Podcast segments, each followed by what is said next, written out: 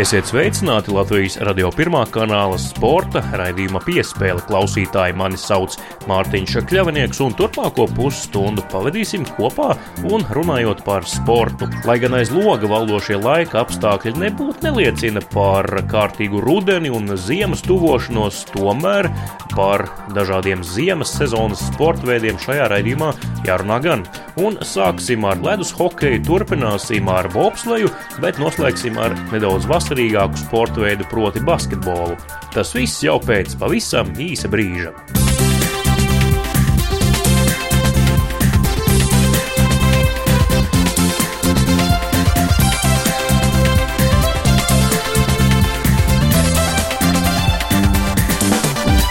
Jūs klausāties Latvijas radio pirmā kanāla sporta raidījumu piespēli. Mani sauc Mārtiņš Kļavnieks, un daudz nevilksim garumā, ķersimies, vērsim pie ragiem.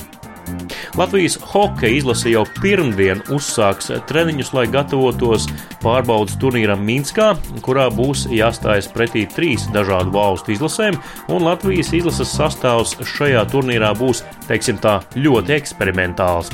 Daži no Rīgas dīnāmo sistēmas spēlētājiem, bet pārsvarā hokeisti, kuri ikdienā pārstāv Latvijas virslīgas klubus. Vārtos iespējams labākais Latvijas čempionāta vārdsargs Jānis Sauziņš, viņam būs jākonkurē ar Zemgales komandas vārtu vīru Rihardu Cimermani, savukārt vēl sastāvā bija jābūt arī Kasparam Saulietim, kurš šogad pārstāv hokeja klubu Mogo. Tomēr Kaspars, pavisam godīgi apzinoties savas iespējas, jo sezonu uzsācis ļoti vēlu un pēc lielas pauzes bez treniņiem, pats piezvanīja Latvijas Hokeja federācijas ģenerālsekretāram Viesturam Kozjolam un teica, ka šoreiz tomēr viņš kopā ar izlasi nebūs un visticamāk viņa laiks izlasē vispār jau ir pagājis. Kaspars Saulietis aizvadītajā starpsezonā centās iekļūt arī Rīgas dīnāmo sastāvā, tomēr tas viņam neizdevās. Vairāk sarunā ar Kasparu Saulieti uzzināsim gan par viņa šī brīža sajūtām uz ledus laukumiem Latvijas hokeja virslīgā, gan arī par tuvākajiem nākotnes plāniem. Zvanīju viesturam un pateicu, ka laikam mans laiks ir izlasē jau viss, un tāpēc es uh, uz izlasi nedošos un uh, dodu iespēju jaunajiem. Vienkārši es zinu sevi, ja esmu gatavs 100%, tad uh, esmu gatavs ej un spēlēt. Ja? Bet uh, uz otru brīdi ir tā, ka uh, ir salicies, ka es nesen sācu atsākt spēlēt, un uh, es nejūtos gatavs tam. Tāpēc uh, pie, piezvanīju un godīgi pateicu. Ir ar Latvijas čempionāta līmeni? Nu, oficiālā statistika saka, ka tu pēdējo reizi spēlēji pirms desmit gadiem, kad bija Rīga 2000.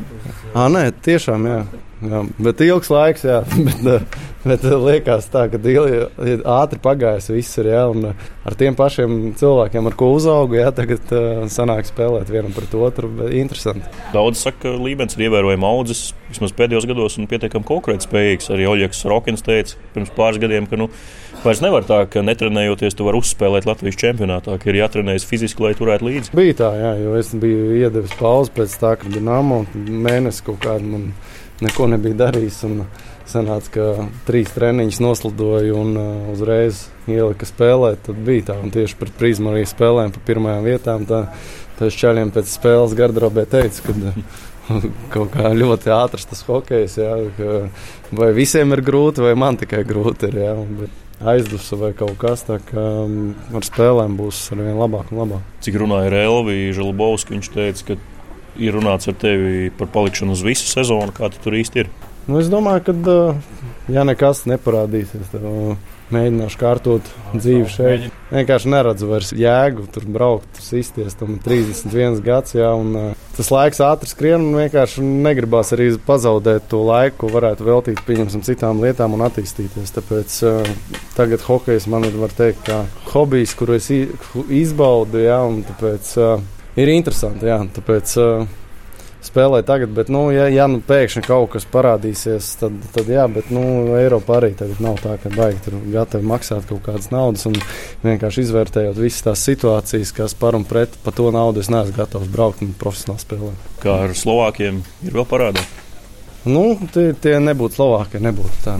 Tas ir, tas ir vienmēr tā, uz pēdējo algu vienmēr tiek solīts un viss izdarīts, un beigās, kad aizbrauc, viss Mēs tikām plēsoņā, izdarījām maksimumu, un beigās, protams, tur sākās paraksti līgumu, tad mēs tev tev atdosim, un nu, visādas mahinācijas. Bet uh, gribās pamēģināt, varbūt citu. Vienkārši man, man apmierina tagad tā situācija, kā, kā ir tagad. Es mēģināju, mēģināju tikt Dienāmo, ja, kas bija mans tāds pēdējais. Uh, Pēdējais priekš manīm, lai pierādītu pašam sev, ja es ļoti sagatavojos sezonai, vienkārši strādāju uz visiem 110%. Un vienkārši tas, ka es netiku tur, vienkārši man drusku morāli salauza, un tad sāku izvērtēt vienkārši citas iespējas, ko darīt tālāk. Un, uh, Vienkārši negribās novilkt līdz pašam pēdējiem, tur 35, 36 gadi. Un, uh, beigās tu pabeidz to hokeju, neko citu vairs īsti nevar darīt. Jā, jo tu esi mm. pazaudējis to laiku, tāpēc mēģini attīstīties šeit uz vietas. Autobiznesa, autoservis, kas tas ir? Un man ir ar partneri autoservis, un tagad uh, taisim arī tur. Vēl viena, kur mazgātu būs. Nu, bet vairāk jā, ar automašīnām saistīts. Bet, nu, ar auto tirgošanu arī bija kaut kāda laika iesaistīties. Bet nu, tas uz to brīdi Latvijā vairs nav aktuāli. Mēs smagi strādājām. Mums bija viens mērķis, visiem viens kopējs. Esam pusceļā, vēl viens solīts palicis. Prieks, ka neslūdzām un noticējām sev, ka varam vinēt. Dzirdējāt sarunu ar Latvijas hokeistu Kasparu Saulieti, kurš atzīst, ka vairs profesionāļa režīmā netrenēsies un visticamāk arī nespēlēs kā profesionāls hokeists.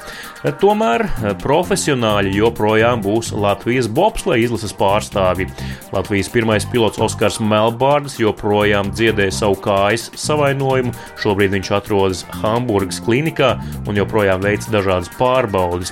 Labās ziņas esot tās, ka operācija tomēr nebūšot nepieciešama.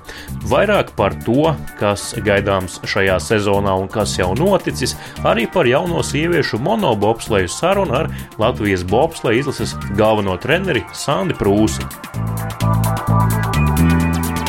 Sāns Prūsis īsi pirms eh, jaunās eh, bobsleja sezonas sākuma. Sandi, cik liels izaicinājums jums kā trenerim bija šī starpsezona? Bija, bija liela, jo īpaši tādā brīdī, kad tu apzinājies, ka tā komanda vairāk nebūs labākajā sastāvā, jā, tad uzreiz arī man arī jāmeklē motivācija. Ka, nu, ir, ir daudz jaunie, ar kuriem jāšancē, ka lēnām viss nostabilizējas. Kas ir ar stūmējiem, ar pilotiem? Nu, mēs zinām par pasaules kausu, par Eiropas kausu vārdus nenosaucāt. Kāda ir tā situācija kopumā? Cerīgi. Cerīgi skatoties, kādā griezumā, ja skatāmies tuvojošos sezonu. Tad es domāju, baigi cerīgi nav lielākajai daļai, izņemot, es domāju, ķibermaņa ekipāžu, ja, kas ir pie, pieredzējuši. Kaut gan tā ekipāža arī būs jauna, viņa jau nebūs tāda, kāda viņa bijusi līdz šim. Tā viņiem arī būs tāds salasīts no, no es, negribu, es negribu teikt no pārpalikumiem, bet nu, no tām, kā lai saka, protams, viņš šobrīd automātiski, automātiski paliek pa, pa galveno. Galveno pilotu, nu tad arī viņam iespējams tos labākos stūmēs ap viņu centīsimies rotēt. Visu.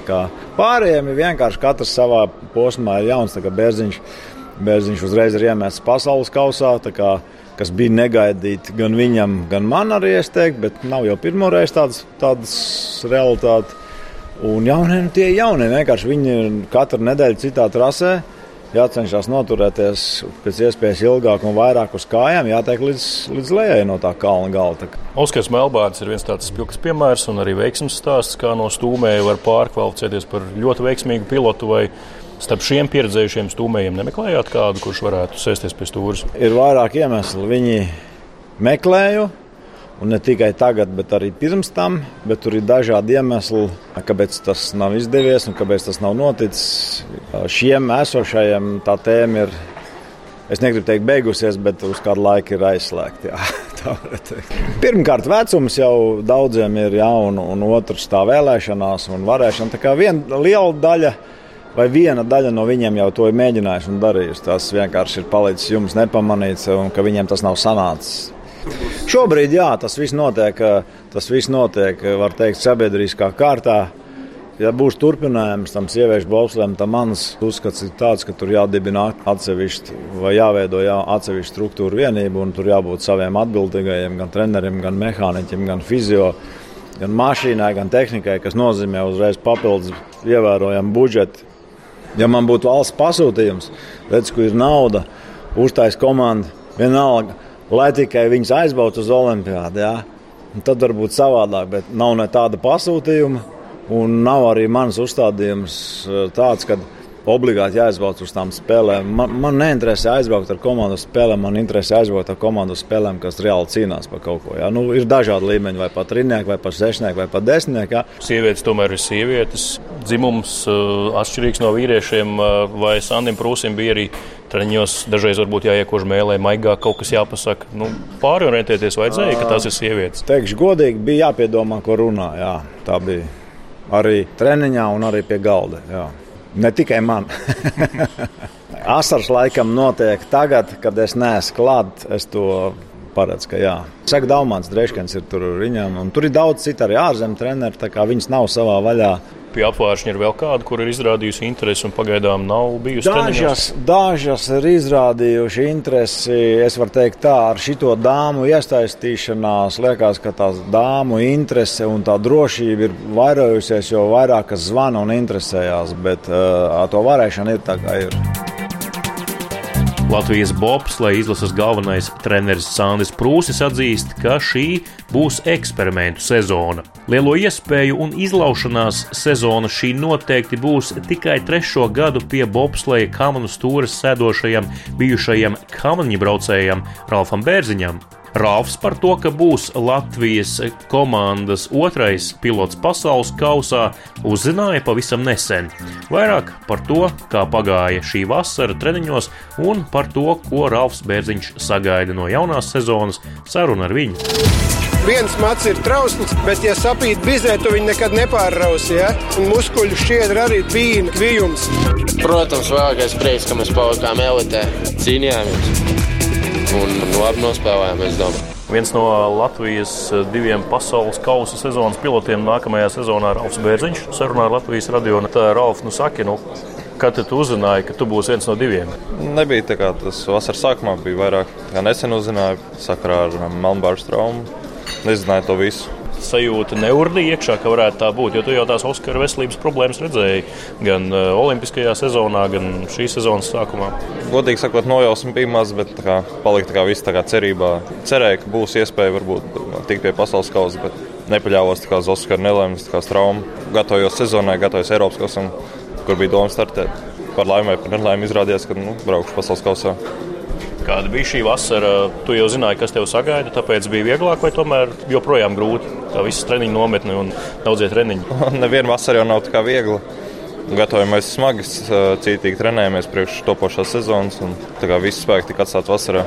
Nu, visu vasaru, principā, sausie treniņi. Tagad mēs jau kādu laiku, kādas divas nedēļas, trīs braucam jau pa trasi. Praktizējamies jau trasē un kāda arī jau kādu laiku notiek. Un Ziemeļamerikā nav būtis. Ir bijis visa Eiropa, ir izbraukot ar gan kamerām, gan ar bobslēju. Tagad jau gaidīt jau tur daudz ko nevar, kā jauns trases, un nav tās vieglākās arī.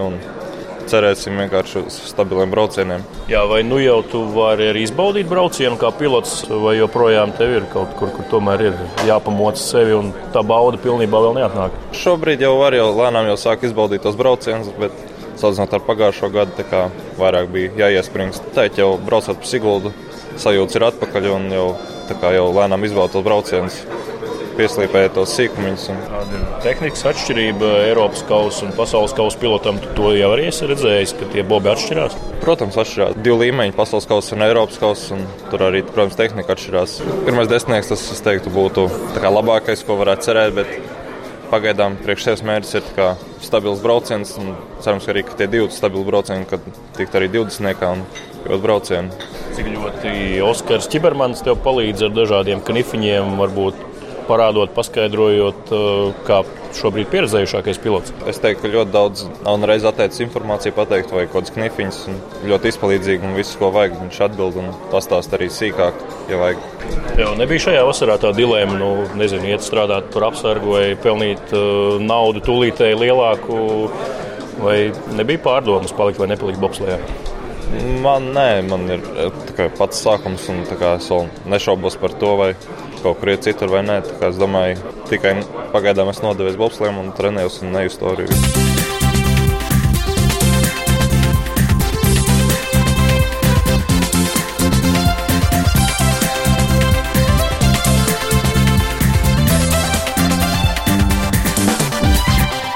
Latvijas radio pirmā kanāla sporta raidījums piespēle turpinās. Mani joprojām sauc Mārtiņš Kļavnieks, un raidījumu otro daļu pavadīsim sarunā par nedaudz vasarīgāku sporta veidu, proti basketbolu.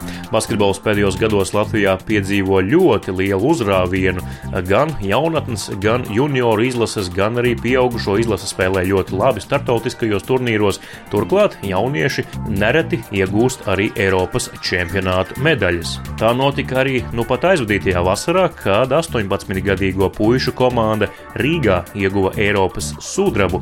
Šīs komandas līderis bija Artūrs Žagars, kurš basketbola prasmes pavisam jaunā vecumā apguva pie jaunatnes trenera Mārtiņa Fomina Daugavas sporta namā. Pie Mārtiņa Fomina pār profesionāļiem izauguši arī Artūrs Strautiņš, Kristers Zoriks un arī Ojārs Siliņš. Turpinājumā tiksimies ar treneri Mārtiņu Fominu, lai runātu vairāk par to, kāda ir jaunā basketbolistu paudze un kāda ir problemātika jauno basketbolistu audzināšanā. Viņš bija tāds motivators, ka es arī gribu būt tur, kur ir viņš un darīt to, ko viņš dara. Visiem spēlētājiem mēs ticam, gaidām, un, un vēl nekas nav beidzies. Vismaz viena spēle mums noteikti jā. Sporta redzējums piespēle Latvijas radio pirmā kanāla etrā turpinās, un šobrīd esam ciemos basketbola trenera Mārtiņa Fomina darba kabinetā Daugavas sporta namā Rīgā, un parunāsim par jauno basketbolistu audzināšanu, jo Mārtiņš ir viens no tiem, kura vārdu ļoti bieži piemin kā pirmo treneri basketbolistu, kuru vārdu uzvārdi šobrīd jau ir plašākai sabiedrībai ļoti labi zināmi. Vispirms, labdien, Mārtiņ!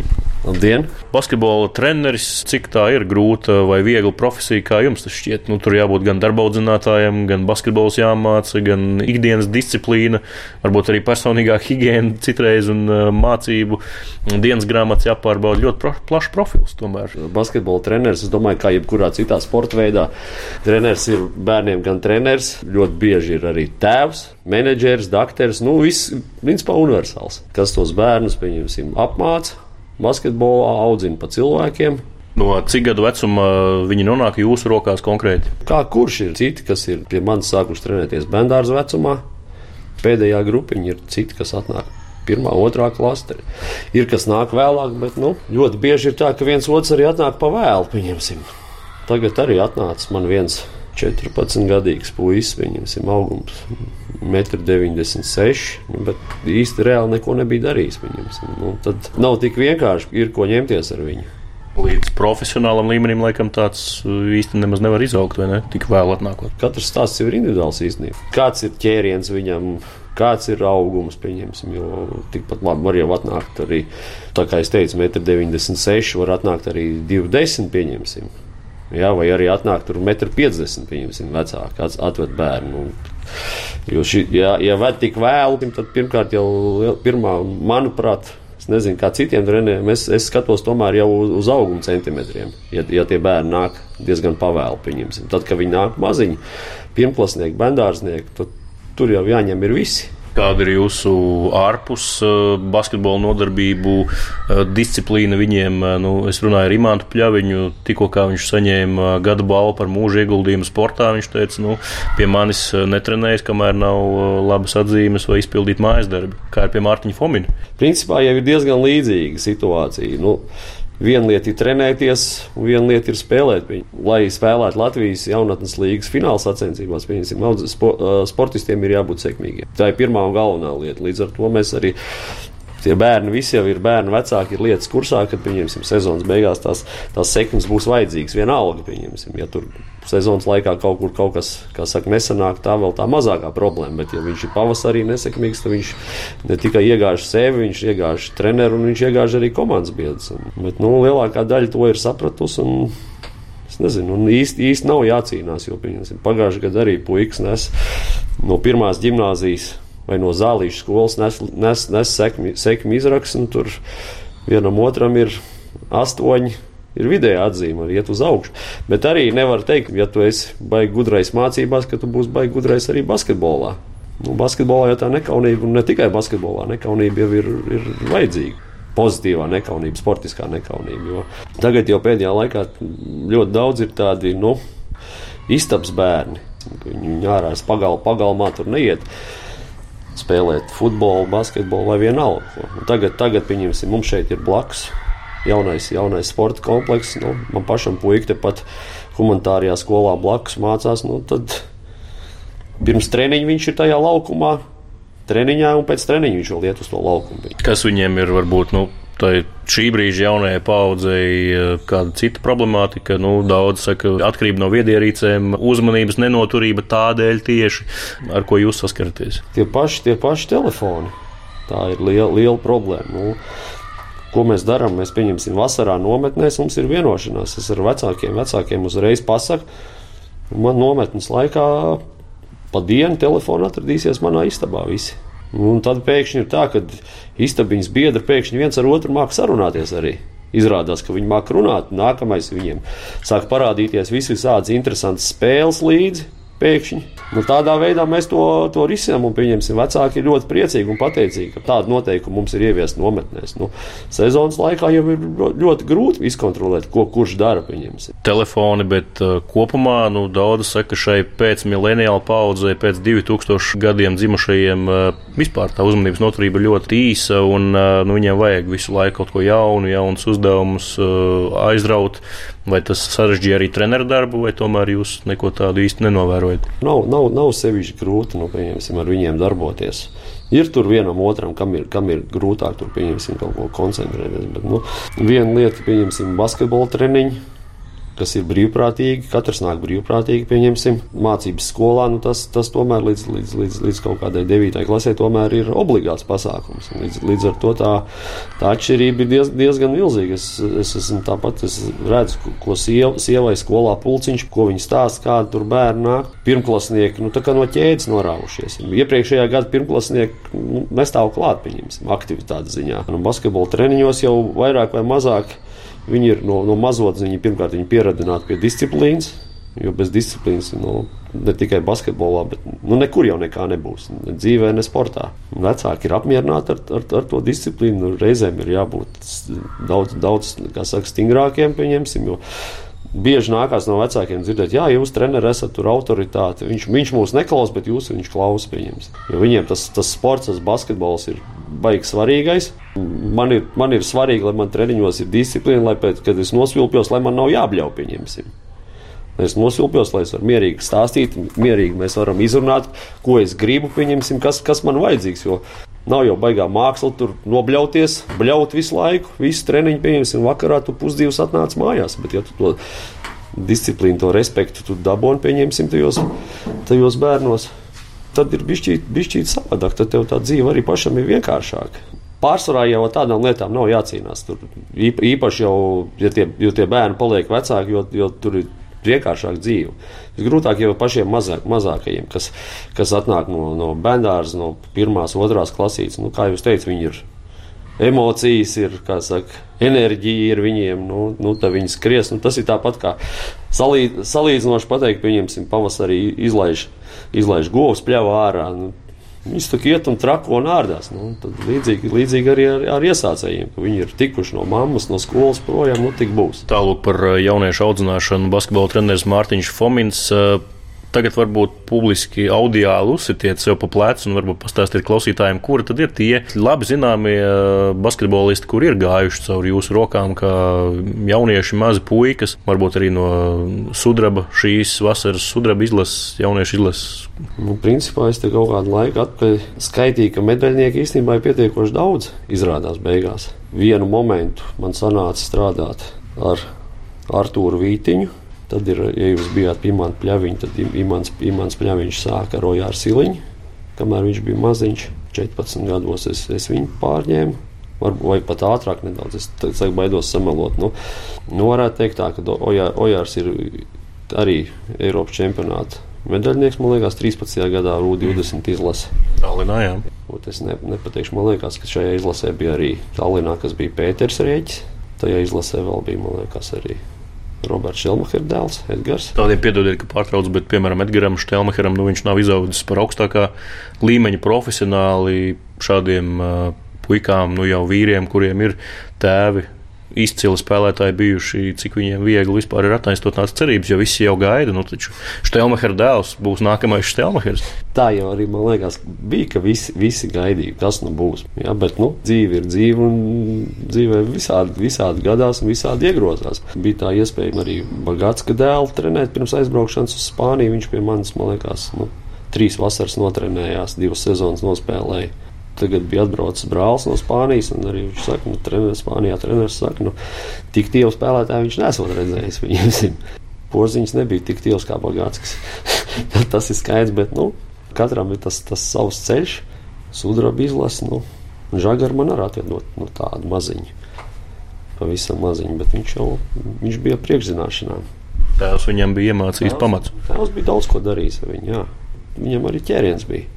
Līdz, zinā, līdz zināmam vecumam viņš arī nu, ja jās, jārunā tālāk par nākamajiem audzēkņiem. Tas pats Arthurs Strautiņš, kur pirmais treneris Konstantīnos bija, pēc tam, pēc tam Arthurs sāka pie, pie saviem vienaudžiem, pie 98. gada puikām pie manis trenēties.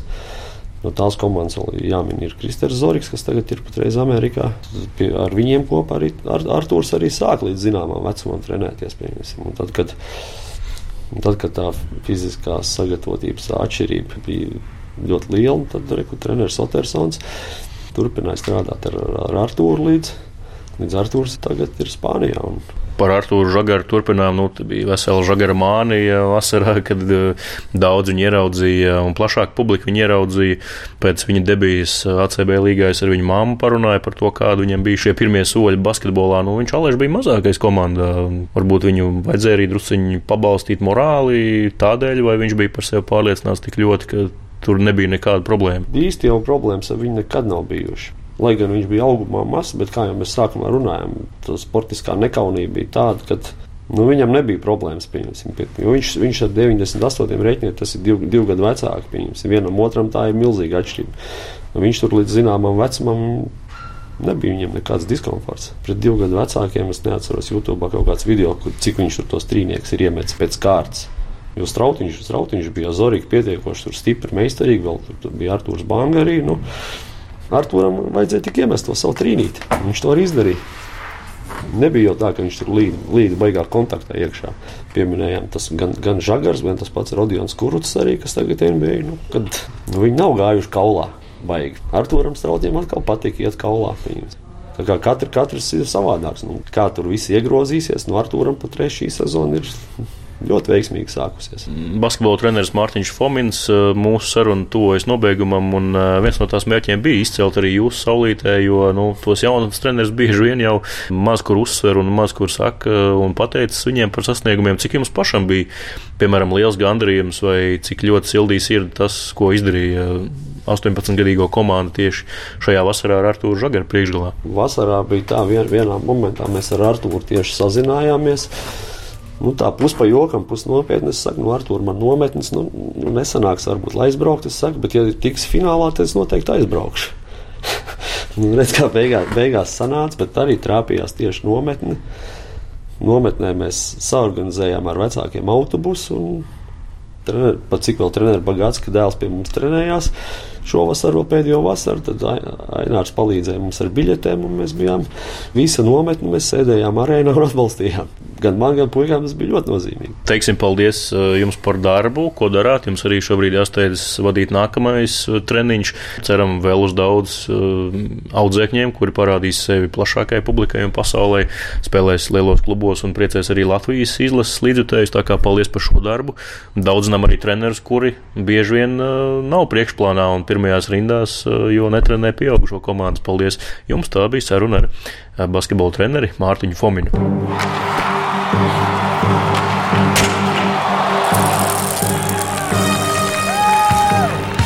Latvijas radio sporta raidījums piespēle līdz ar to izskan. Mani sauc Mārtiņš Kļavnieks.